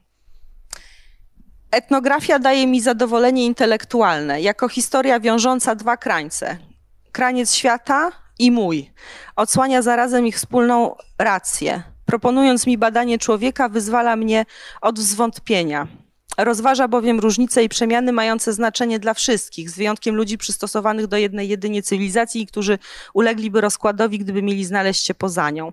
Zaspokaja wreszcie to łaknienie niespokojne i niszczycielskie, o którym mówiłem, zapewniając mojej myśli przedmiot w praktyce niewyczerpany, bogaty różnorodnością zwyczajów, obyczajów i instytucji. Godzi więc mój charakter z moim życiem. No więc tu to jest trochę jak, jak co, co myślałam wielokrotnie o Bliskim Wschodzie, że trochę poznając innych, czy poznając Arabów i widząc w nich Polaków, bo ja po prostu ca- ja nie mogę się uwolnić od takiego łączenia rzeczy. Znaczy, wszystko mi się zawsze co, z czymś łączy i łączy mi się w całość. Więc im więcej wiedziałam o Arabach, tym więcej rozumiałam, że to, to jest właściwie jakaś, jakaś wersja polskości. To jest jakaś właściwie wersja Polaków. Jak to? No, nie, chciałabym wchodzić w szczegóły, e, ale jest tutaj wiele cech. cech takich narodowych, jeśli można w ogóle mówić o istnieniu jakiejś cechy narodowej albo, albo cechy społecznej, ale pewnego takiego konserwatyzmu połączonego z kombinatorstwem, z religijnością, z, ale też z gościnnością, jakąś taką czułością. No, jest to taki y, ko, y, ko, kompleks cech, które wyda, kompleks cech y, wielu społeczeństw arabskich, które poznałam, które wiążą się jakoś z, z, polskością, tak mi się Bardzo wydaje. ciekawe, bo ja miałam zbliżone refleksje, im więcej jeździłam do Indii, im, im czulej przyglądałam się Hindusom, więc może to jest e, ten uniwersalny wymiar, że przez innego do samego siebie, czyli wracamy do twojej refleksji o nieistotności e, różnic. Widzę, że państwo wciąż próbują zgadnąć, kto jest na portrecie i nie udaje się zgadnąć, więc chyba dzisiaj wieczór odbędzie się bez, bez nagród, ale nie wiem, czy to jest ten moment, w którym mm, tak. E, e, chciałybyśmy e, mm, poniekąd zdradzić te tajemnice, chociaż jeżeli mamy jeszcze tutaj jakąś ważną lekturę globalną czy, czy postkolonialną, to, to tak myślę, że, że może tutaj warto by było, ma, bo się boję, no, że jak przejdziemy tak, do. Tak, tu nie ma orientalizmu to... Edwarda Saida, bo tak, i chyba zostawiłam po prostu ją w Tarnowie, kiedyś tam jak brałam, ale... Yy, no muszę... rozumiem, że są dwie biblioteki, tak? Jedna została w domu rodzinnym, tak, no bo a druga jest z tobą, tak? Nie można wyrzucić książki po prostu, manuskryptów się nie pali. Yy, nie, Muszę powiedzieć o tym orientalizmie w jednym słowie, dlatego że tam koncepcja tego Edwarda Saida jest niewiarygodna zupełnie. Ona jest wstrząsająca. To znaczy, jest koncepcja słowa orient i orientu. On to odkrył, tak? Czy odkrył? No, wymyślił, być może tak jest, ja mu wierzę. E, I, i to jest sztuczna koncepcja europejska, nadająca cechy całemu obszarowi i ogromnej grupie ludzkiej, rozwijającej się w historii, cechy, których oni nie mają. Albo cechy, które no, są jakoś tam degradujące. Czyli na przykład e, orientalizm będzie widział w Oriencie, znaczy Orient to jest kobieta, a Europa to jest mężczyzna. Orient to jest sensualizm, Europa to jest racjonalizm. Orient jest niemy, jest bardziej taki jakiś oniryczny. Natomiast Europa mówi, Europa bada, Europa jest intelektualna.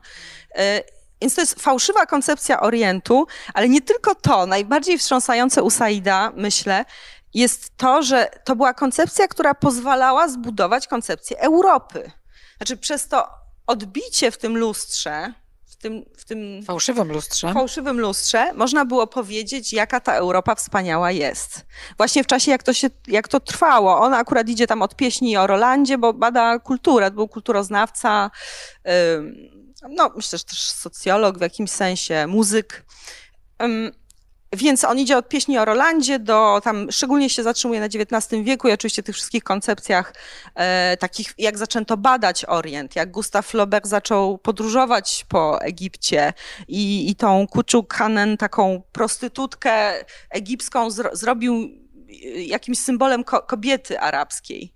E, I w ogóle jeździł tam na prostytucję. E, Flaubert. A nie Więc, wiedziałam. Tak, bo Opisy nie są. Wiem, czy chciałam wiedzieć, ale teraz już. Tak, wiem. opisy są, e, nie wiem, nie chcę powiedzieć mrożące krew w żyłach, no ale przynajmniej powodujące gęsią skórkę. No i e, więc.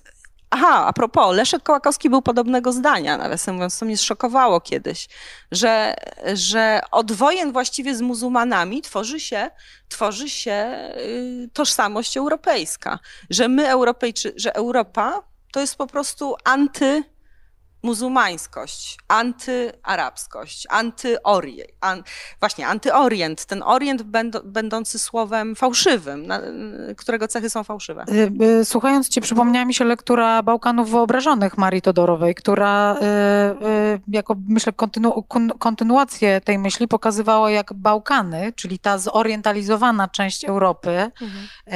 taka w wyobrażeniu Europy Zachodniej jej skarlała, nie, nie, nie rozwinięta w pełni wersja również stanowiła to odbicie, które pozwalało się, czy wciąż pozwala się Europie zachodniej czy Europie właściwej definiować, no właśnie też poprzez odbicie, jakiś, jakiś kontrast. To mhm. no, druga obok pamięci fałszywa siła, prawda? Dzisiaj w, no, w no naszej właśnie, rozmowie. Tak jest. Mhm.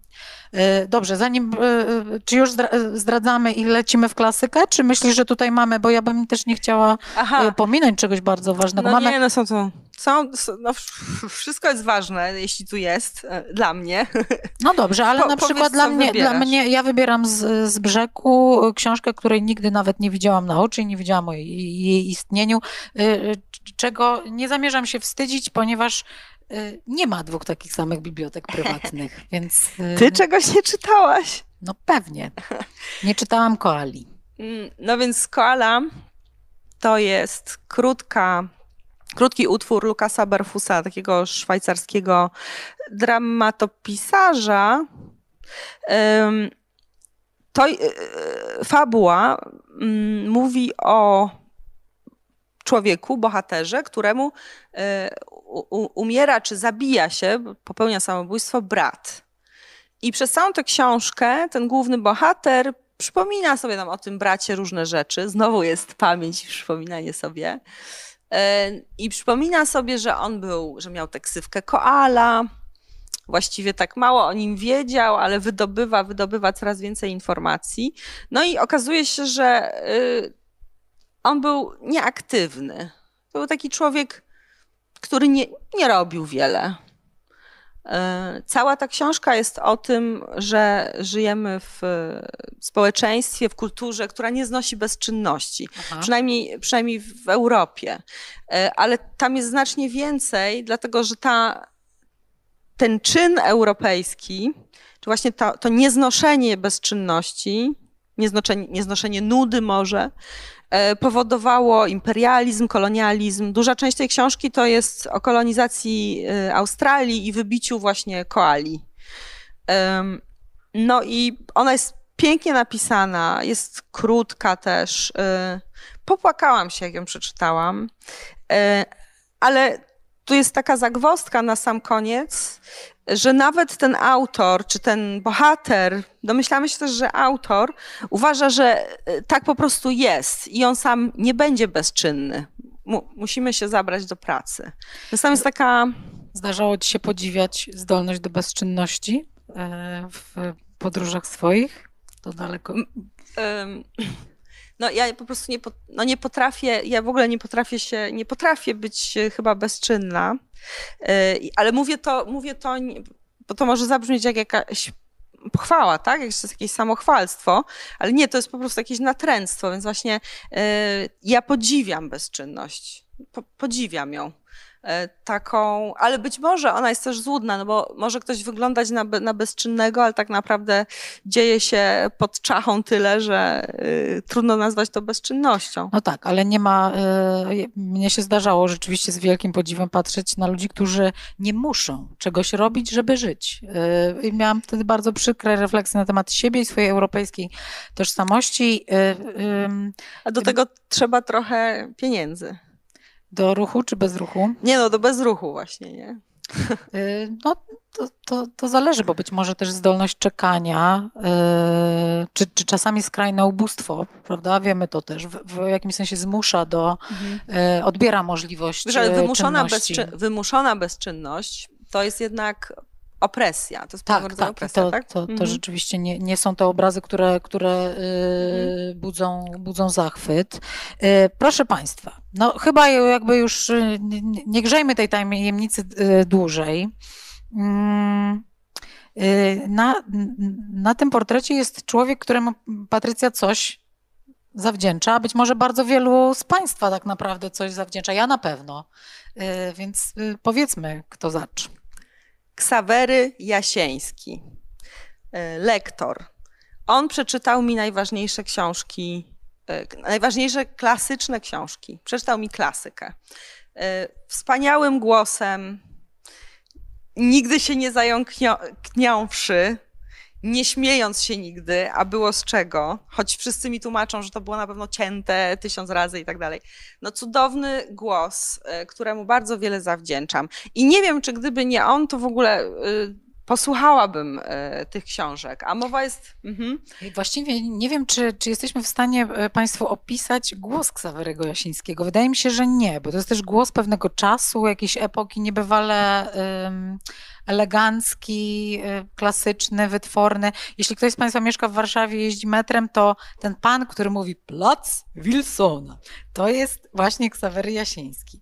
E, no ale tym, tym samym jakoś przechodzimy do tego, że książek można też słuchać. Jeszcze nie tak mieliśmy jest. gościa w, mm, w cyklu Książki mojego życia, który dużo słuchałby książek, a Patrycja dużo e, słucha. E, no i, i, i dobrze, Ksawery Jasiński, co ci, co ci przeczytał? Okej, okay, ale tylko powiem, że dużo słucham, dlatego że dużo jeżdżę na rowerze i po prostu też powodów praktycznych. Ja taką mam praktyczność, że psa posiadam i Aha. trzeba z nim chodzić, to wtedy się no. słucha. To jest wspaniałe, bo... E, Moja sąsiadka odnawia obrazy, no i dłubiąc tam też cały czas słucha. Jest super odczytana. A ja jestem ciekawa, czy Państwo słuchają i przy czym, bo ja na przykład też przy zmywaniu naczyń przypadam bardzo. Jakoś mi się wydaje, że to wszystko uszlachetnie i wszystkiemu nadaje sens. A propos szlachetności i sensu, Ksawery Jasieński przez X tak. Więc przeczy... Kłaniamy się nisko. Jeśli tak, ktoś z Państwa tak, go tak. zna, ma Aha. bezpośredni dostęp, mhm. a y, y, ten portret był prezentem dla Ciebie, tak? Tak, na 40 urodziny. Tak. Jest y, zrobiony, rozumiem, na podstawie fotografii. Tak, tak, tak, tak. tak. Do znalezienia w necie. Ksawery Jasieński, Google. Więc on mi przeczytał Lalkę Prusa, Chłopów Reymonta i Wojnę i Pokój Tołstoja. I w ogóle Tolstoj to jest wielki temat, większy niż tylko wojna i pokój, ale y, może o, o lalce, bo lalka wydaje, no jest fascynująca, jest po prostu okalającą, obejmującą wszystko wówczas, yy, czyli tam yy, okres początku, yy, końca XIX wieku, początku XX społeczeństwo jako organizm, prze, połączenie romantyzmu z pozytywizmem w Wokulskim, który jest, nie wiem, czy, nie wiem, czy nie ulubioną moją postacią literacką w ogóle. Bo? Właśnie, ponieważ łączy te sprzeczności, tak? Romantyzm z pozytywizmem. Pozytywizm, który następuje po, po romantyzmie, jest jakimś jego odwróceniem jednak. A on w dwóch rzeczach, znaczy Y, w miłości i w, y, w odkrywaniu, w tworzeniu, w eksperymentowaniu y, widzi, widzi sens, sens życia. Piękna jest też Warszawa w, tym, w tej książce. Co, aha, no i jest tam niestety straszna postać tej Izabeli Łęckiej. Ja jak teraz o tym myślę, to ja, ja nie wiem w ogóle jaka jest interpretacja, że tak powiem, E, oficjalna e, książki, bo nigdy takich rzeczy nie czytam i nie wiem też, jak to z perspektyw kobiecych wygląda, ale dla mnie ta Izabela jest jakąś kompletną antytezą tego, kim kiedykolwiek chcia, chciałabym być. E, jest tak głupia, jakoś tak zależna. Znaczy, wiem, że ona jest wytworem tych swoich stosunków, ówczesnych stosunków społecznych, kulturowych, ale E, jest tak bezwolna, jest, y, no jest głupia po prostu. Ale rozumiem, że na tyle cię wkurza, irytuje tak. i na tyle jest dla ciebie punktem odbicia, że literacko, e, e, emocjonalnie jest, jest prawdziwą dla ciebie no, postacią. No oczywiście, nie no, to przecież to geniusz Prusa, jasna sprawa. E, ale i, co ciekawe, to u Floberta, u pani Bowary, która też zrobiła na mnie duże wrażenie, jest też postać kobiety, którą można by negatywnie jakoś tam oceniać, tak? Tam Emma Emma Bovary, która wychodzi za Karola Bovary. Ona go zdradza, ponieważ marzy o takiej miłości wyidealizowanej tam z powieści Waltera Scotta i... Wszystko przez tą literaturę. No właśnie.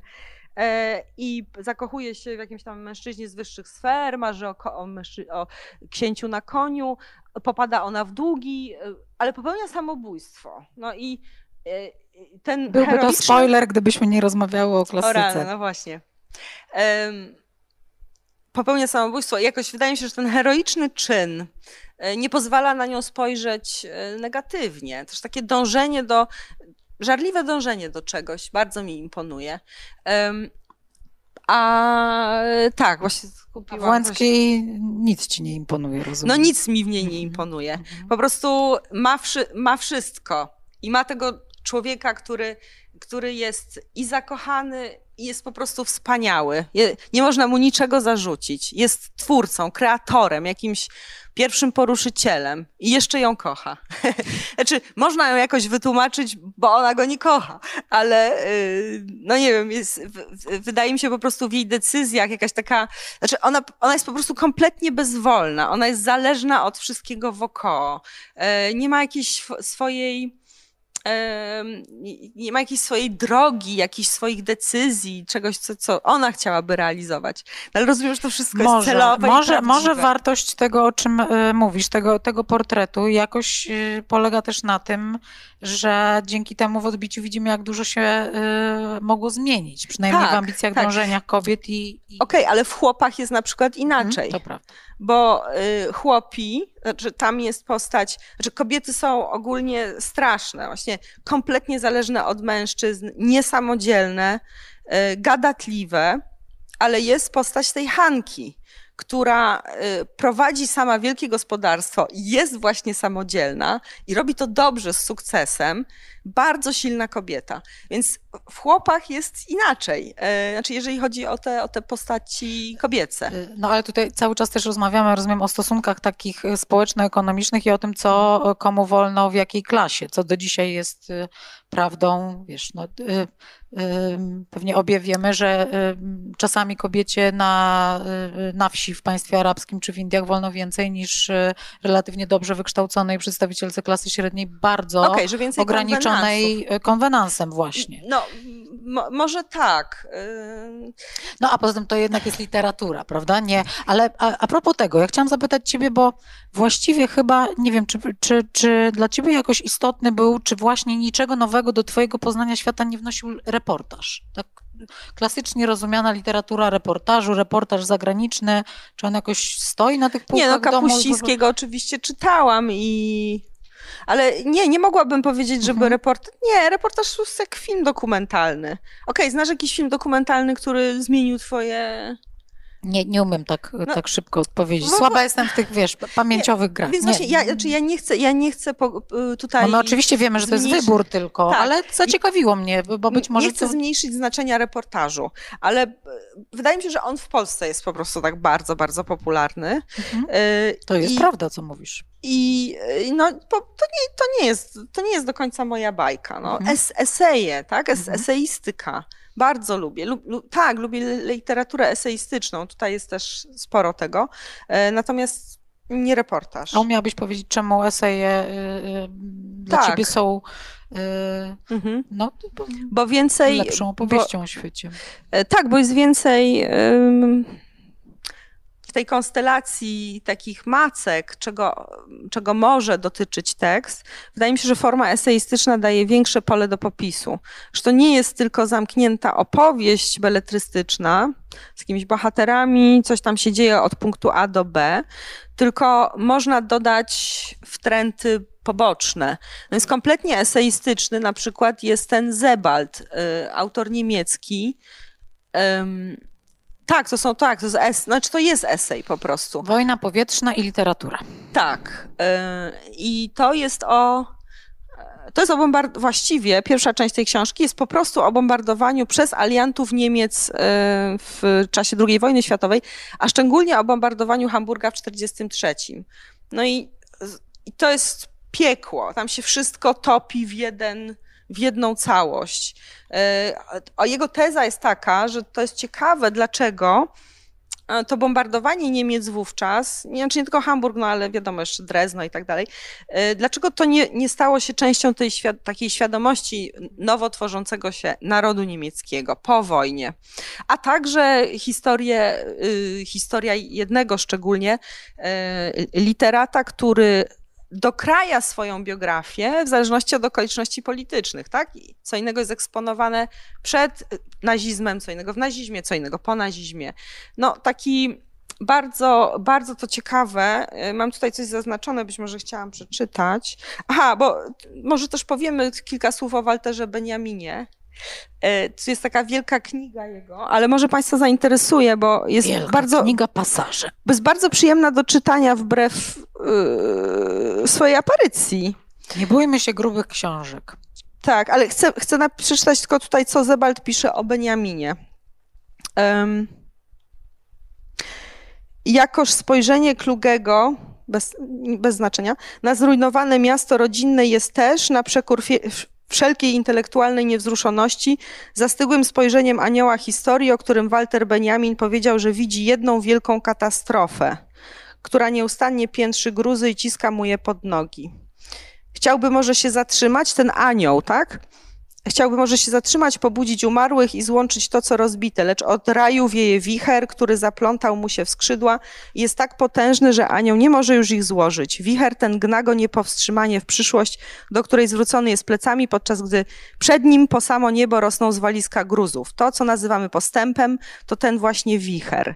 Yy, I to jest taka trudna koncepcja, którą mam nadzieję wytłumaczę. Walter Benjamin był opętany jednym obrazem, Paula Klee, takiego anioła, I to opisuje Zebald, e, że ten, ten anioł e, Beniamina to jest jakaś moc, która próbuje się oprzeć wichrowi postępu i historii, ale jest przez niego z, i przerażone tam są te oczy, jest spychana w tył. I właśnie to są książki o historii, no, bo historia jest bardzo, bardzo ważna dla mnie. Lubię czytać książki o historii.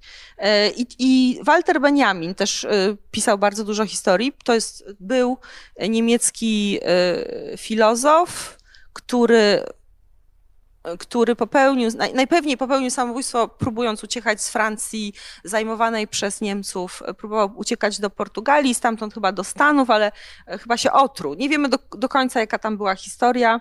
E, I on, e, dlatego wybrałam tutaj książkę Pasaże, bo to jest o historii Paryża.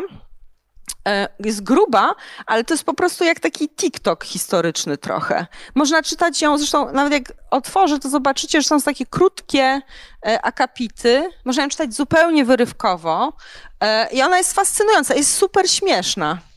E, znaczy super Czy to możliwe, żeby no była super śmieszna?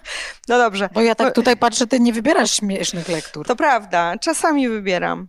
Um, Mo, może coś, może coś jednego znajdę. Nie, na przykład jest tutaj fragment o, o rowerze, jak rower wydawał się, wydawał się diabelskim wynalazkiem. To jest o, o takim roz, y, budzącym się wielkim mieście metropolii, o Paryżu, u progu ma, kultury masowej. Czyli na przykład jak stawały się um, gale, jak y, sklepy stawały się galeriami handlowymi. Jak to się stało, że sklep... Że, świątyniami. Tak, tak, jest, że sklep dostał nazwę galerii. Tam jest też to o modzie. Y, no, y, wspaniała rzecz do czytania takiego wyrywkowego, jakbyście Państwo chcieli poznać Beniamina. Okej, okay. dobrze, czyli prawie jak z Finneganów trenem można wejść w każdym momencie akcji i próbować się odnaleźć. Ja ciebie nie dopytałam właściwie, dlaczego tę klasykę nikt, nic się nie może równać, proszę Państwa, z tym, jak Sawery Jasiński czyta Wojnę i Pokój. Nic. Jest to e, jakiś taki wybitny akt kultury w ogóle, to, to, to, to odczytanie. Mm, ale dlaczego tę klasykę e, e, w cudzysłowie musi ci czytać Ksawery Jasiński? Czy ty myślisz, żebyś, żebyś te, te książki czytała z równym zachwytem sama, czy jakoś masz poczucie, że no nie wiem, on, on, on to robi w taki sposób, który też jakoś sprawił, że te książki są z tobą głębiej bardziej. Znaczy, no ja muszę się przyznać, że po prostu ja nie czytałam chłopów, kiedy ich powinnam była czytać w szkole, e, więc musiałam do tego dorosnąć e, i, i nawet mam tutaj taką książkę Italo Calvino, po co czytać klasyków. Tamten Calvino podaje chyba naście y, definicji albo elementów definicji, co to jest klasyka. I y, jednym z tych elementów jest takie zdanie, że im więcej słyszeliśmy o książce, y, tym bardziej jest ona nowa, odświeżająca i odkrywcza. To jest klasyka. Czyli im więcej słyszeliśmy, a o chłopach, powiedzmy sobie szczerze, o lalce, o wojnie i pokoju słyszeliśmy maksymalnie dużo. I teraz jak bierzemy tę lekturę, lekturę do ręki, no to ona jest y, ona jest fascynująca, ona się nigdy nie kończy. Każda kolejna lektura jest nową lekturą, y, jest zawsze aktualna, dlatego na przykład, nie wiem, no chłopi, mm, więc musiałam dorosnąć do tej klasyki. Być może, nie, nie przez przypadek, y, po prostu brat mi polecił, chyba pamiętam, że on czyta, on słuchał tego Ksawerego w jakimś tam wydaniu i ja potem zaczęłam szukać jakichś tekstów przez niego czytanych i tak trafiłam też na tę klasykę. Można powiedzieć, że to przypadek, ale zawsze chciałam przeczytać te książki, bo wiedziałam, że w nich musi być jakiś magazyn, że w nich musi być jakaś gravitas. No i, no i na przykład ci chłopi. To, to jest właściwie o, o społeczeństwie polskim dzisiaj.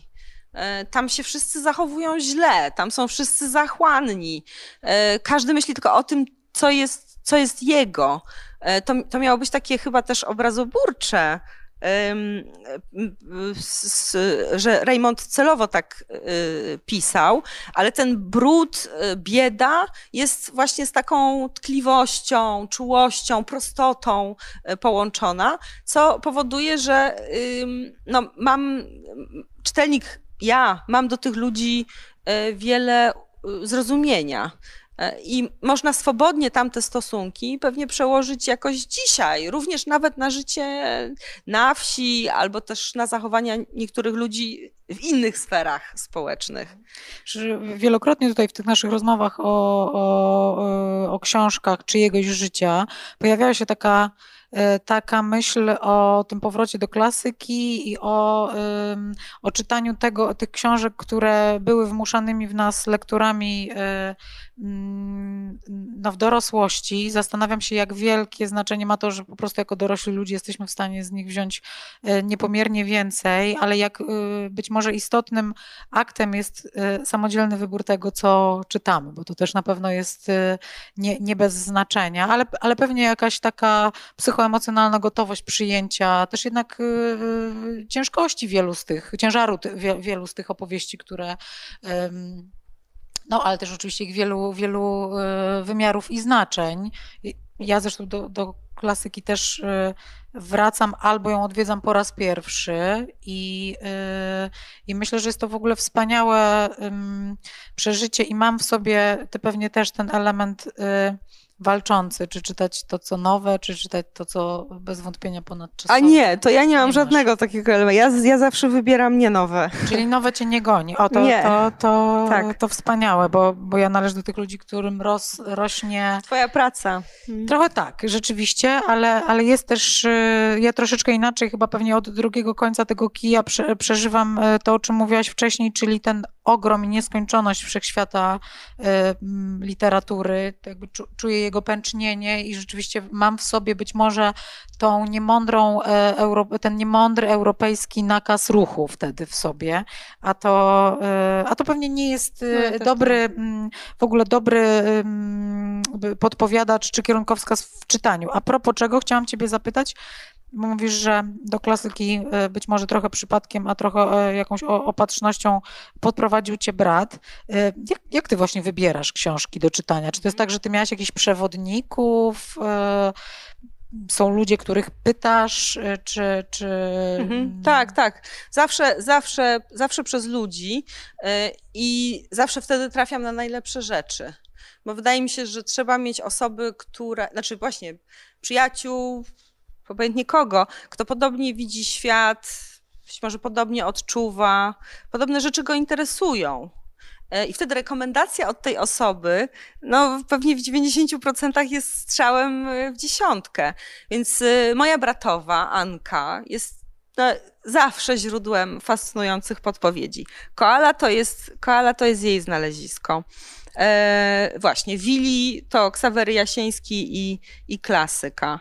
E, tu jest książka przez przyjaciela polecona, Tomasa Pięczona, 49, idzie pod młotek. Ja dopiero, dopiero niedawno to przeczytałam. E, to, popatrzcie Państwo, jaka to jest książeczka. I jej wielkość jest odwrotnie proporcjonalna do jej głębi. To jest niewiarygodne. To jest e, książka o literaturze, historii, informacji, miłości, śmierci, samobójstwie, ale zapisana jakimś takim językiem programowania, jakimś takim kodem e, informatycznym, językiem C. Po prostu trzeba ją odkodować. To jest taka zagadka. Bardzo, a formalnie to jest historia Edypy, e, która e, jest opętana takim tematem grupy Trystero, jedzie do Kalifornii tam realizować spadek po, po, po przyjacielu. No, więc to fascynująca zupełnie rzecz, też polecona zagadka. To jest po prostu książka zagadka. Fascynujące jest też to, że nie ma złego momentu na wejście właśnie do y, jakiegoś literackiego pokoju. To, to, to jest wspaniałe i mam też nadzieję, I mój, że... Mój mąż jest źródłem, jeszcze muszę to powiedzieć, tak. jest źródłem wielkich, wielkich podpowiedzi. Zanim studiowałam filozofię, Płomienie Brzozowskiego to jest jego mhm. podpowiedź. Wspaniale i szczęśliwi ci, którzy mają wokół siebie y, y, czytających, oczytanych, którzy mogą y, nas naprowadzać do różnych światów. Magda Małek, która też była gościnią tego cyklu, mówiła, że właściwie to jest jedyny powód, dla którego ona wyszła za mąż za człowieka, za którego wyszła. Zresztą ona kupuje książki, on jej doskonale, regularnie. Doskonale to, to rozumiem. Rzeczywiście, że trudno sobie, wielu naszych gości właściwie sobie nie wyobraża związku bliskiego, intymnego z osobą, z którą nie mogłaby dzielić, przeżywać lektur, czy też się, czy też się y, jakoś o nie y, spierać. Y, gadamy już do, do, do ponad półtorej godziny, więc myślę, że będziemy gdzieś zmierzały do jakiegoś brzegu. Być może tu jeszcze na stole leży jakaś książka, o której koniecznie musimy powiedzieć, Patrycja, więc um, wypatrzmy. Dobrze, jest bo... tutaj Józefa Rotha Hiob, ale może to nie jest bardzo konieczne. Um, Aha, komiksy i powieści o. graficzne, tak? Znaczy, ja to jest mam... chyba nietypowa pozycja w twojej, no cokolwiek jednak powa poważnej e, bibliotece, przynajmniej tej a, dzisiejszej. Ja a mam tutaj, też bardzo znaczy, niepoważną. Ja nie, chcę, ja nie chcę niczego odbierać powieściom graficznym i komiksom, które e, też nie, nie chciałabym zabrzmieć stereotypowo, że, że e, one są tylko, tylko lekkie, czy też niepoważne, ale... Mhm. E, znaczy, ja tutaj mam tylko przykład, bo to jest coś... Pamiętam tę okładkę, na pewno z dzieciństwa, nie, właśnie. Jest miałam, Andersen, ale miałam... nie w tym wydaniu, o które nam chodziło, w tym, tak? W tym, w tym, tak. To jest akurat Stannego, ja zaznaczony jest na tym, na tym strasznym ptaszku. No to warto jest to zobaczyć. Serio. Ja nie wiem, czy Państwo będą mogli spać po Do, tym ptaszku. Prawda. Nie, nie czekaj. Ojej. No, to zbliżmy. Bardzo tutaj. proszę, baśnie dla dzieci. No jak wiadomo, standardy wrażliwości społecznych zmieniają się. Dobrze, opowieści graficzne i komiksy na, e, na finał. Tak, znaczy tutaj akurat jest Tadeusz Baranowski. Chcę go wspomnieć, bo go ostatnio poznałam osobiście, ale pamiętałam tę okładkę, jedynie to pamiętałam z dzieciństwa, dopiero ostatnio przeczytałam jego komiksy. E, do, tak dowcipna e, opowieść o przyjaźni, świecie, odkrywaniu, eksperymencie, e, zabawa językiem, permanentna. Ale to tylko przykład, dlatego że no, są, powieści, są, są powieści graficzne. E, nie wiem, Art Spiegelman, Charles Burns. To, to, to są, znaczy dlatego to jest dla mnie ważne, bo wydaje mi się, że one prawdziwie opowiadają forma jest pra prawdziwa tego, jak pamiętamy i jak widzimy. To znaczy, y, nie pamiętamy ruchu czasu, przynajmniej ja nie pamiętam, ale pamiętam takie klatki. E, więc komiks i powieść graficzna e, trochę jak, nie wiem, montażysta z klatek składa swój film, to tak ja pamiętam swoje życie trochę i ono tak właśnie się dzieje. To są bardziej klucz, a czasami mało znaczące, ale z jakiegoś innego powodu, ponieważ wysyp wtedy był adrenaliny albo nie wiem, jakichś emocji, to się zapisało. Więc wydaje mi się, że to bardzo odpowiada, odpowiada mi ta, ta forma opowiadania. E, właśnie taka poklatkowa. No i też powiedziałaś, że, e, że część książek zostawia w tobie zaledwie albo aż obraz jakiś, tak, prawda? Tak, jest... tak jest. E, no dobrze, to, to, to zazwyczaj kończymy tę rozmowę takim dużym pytaniem. E, właśnie o to, co by było, gdybyś nie przeczytała tych książek, gdybyś przeczytała o. inne, e, czyli pytaniem o to, co e, one z tobą zrobiły. Mhm. Jaki, mm, jaki wpływ na twoje poczucie rozumienia świata, przynależności do niego, e, poczucia sensu, e, ładu kosmicznego, spełnienia, szczęścia, uśmiechu. Mm, Mhm. Jaki one mają wpływ i jak na ciebie myślisz działają? Wiele już z tego powiedziałam, to znaczy to poszerzanie tych skal różnych, Mhm. i, ale jednocześnie dawanie tego takiego oparcia, jakiegoś poszukiwania, poszukiwania mm, no, skały, tak? No, poszukiwania Mhm. czegoś, na czym można stanąć. No bo to jest przerażające, ale nie, w, og- w ogóle życie jest przerażające, tak? To, Mhm. to chcę powiedzieć. E, Mówisz to z e, uśmiechem. No mówię to z uśmiechem, bo się z tym pogodziłam po prostu, ale dlatego, że jest nadzieja i miłość, no to, i prawda. No, a- to może brzmieć naprawdę jakoś tam... I wiem, że to może brzmieć śmiesznie, ale po prostu ja w to, ja w to wierzę. Wierzę w postawy e, takie ce, celowe, e, celowe zachowania, które coś powodują. Ale dlaczego, chcę dokładnie odpowiedzieć na Twoje pytanie. E, Te, te lektury pozwoliły upewnić mnie albo podpowiedzieć mi, że czyn, e, odwaga, właśnie taka postawa nadziejna, e, być może to ma sens, ponieważ ci ludzie inni, którzy to pisali i mieli te konstelacje w głowie i przeżyli to, co przeżyli, tak uważali. I nie tylko to bogactwo, to, tak onieśmielająca jest literatura z powodu tego, tego bogactwa wielostronnicowego, o którym powiedziałam, ale też po prostu świat jest y, prawie nie do ogarnięcia. To znaczy nieskończoność meta, znaczy nieskończoność wszechświata w skali po prostu kosmicznej, a także nieskończoność świata w skali mikro, nano i kwarko i tak dalej, e, też pewnie nie ma, też, być może też nie ma końca, więc uświadamianie sobie tego, e, poznawanie, nawet poznawanie ziemi, tak, przyrody. Wiecie, często myślę o tym, że e, my nie, nie znamy nawet tego, co jest w oceanie. E, Znamy tylko jakąś tam część, bo nie może być człowiek w każdym miejscu oceanu. Zaledwie są jakieś tam pojedyncze misje badające, coś tam pływa, ale jest cała masa niewiedzy nawet tutaj na Ziemi. A co dopiero i to w takiej skali naszej, prawda? W takiej skali dokładnie człowieczej. Wyprawa do wnętrza mózgu jest dla neurologii wciąż właściwie badaniem no, kosmosu. Tak? Więc, więc lektura tego wszystkiego ym, to jest takie po, ym, no, pogodzenie się z tą nieskończonością, no i z jakimś no, niechybnym e, zbliżaniem się do końca, prawda? Wiedząc, że nigdy się tego nie pozna, co jest też dość trudne. Nie- Ja myślę, że się nie ma, co, nie ma się co e, bać. Ba, bardzo, znaczy takiej właśnie, podoba mi się, pełnej, pełnej zwątpienia e, filozofii e, czytania, ponieważ nie jesteś osobą dręczoną pogonią za nowościami. Jestem spokojna, że akurat tej książki jeszcze nie czytałaś. Jest mikrotradycją e, tych spotkań e, to, że dokładamy do bibliotek prywatnych naszych gości e, jakąś książkę na, pa, na, na pamiątkę tak mile straconego wieczoru po Wow. powieściach. Jest to, jest to e, Marcin Wicha, jego najnowsza Uwielbiam. książka.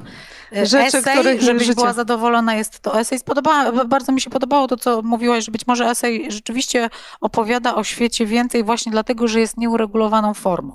I ona jednak na autorom na e, wiele więcej Pozwala. nieoczywistych refleksji w ogóle pozwala na samym starcie, czego g- mistrzem tego gatunku jest Marcin Wicha, a ta książka jest poświęcona Kazimierzowi Malewiczowi, więc wszystko się jakoś w rodzinie wszystko e, Pięknie. Bardzo dziękuję. zostanie. Uwielbiam. My bardzo dziękujemy, Patrycjo, Tobie za, mm, za te opowieści. Kolejna, proszę Państwa, e, z nami nie, nieoczywista e, biblioteka i takie bardzo prywatne, zaskakujące uniwersum e, czytelnicze. Uspokajam pod dwoma względami. Obiecuję, pojawi się w poście po, pod tym filmem i także w opisie filmu na YouTubie długa lista książek życia Patrycji Sasnal, a także uzupełnimy ją dla tych z Państwa, którzy być może mają jakiś niedosyt wypraw literackich w, w stronę bliskowschodnią, jakimiś tak, rekomendacjami kilku, kilku chociażby książek z tego rejonu, a tymczasem dobrej nocy i proszę coś przeczytać przed snem, bo to obniża poziom kortyzolu we krwi. Y, dla pragmatyków, a dla romantyków po prostu jest to kontakt z nie, nieustająco rozszerzającym się wszechświatem, tak? tak jest. Bardzo dziękujemy. Dziękuję bardzo. Dobrej nocy. Y, zapraszamy na kolejne wydarzenia z literackiego pępka świata. Kolejne już jakoś na dniach na pewno. Do zobaczenia. Dzięki. Dziękujemy. Big Book Cafe to centrum innowacji literackich założone przez Fundację Kultura Nieboli. Tworzymy 200 wydarzeń w roku. Prowadzimy wege kawiarnię i księgarnię pełną dobrych książek. Big Book Cafe. Żyjemy czytaniem.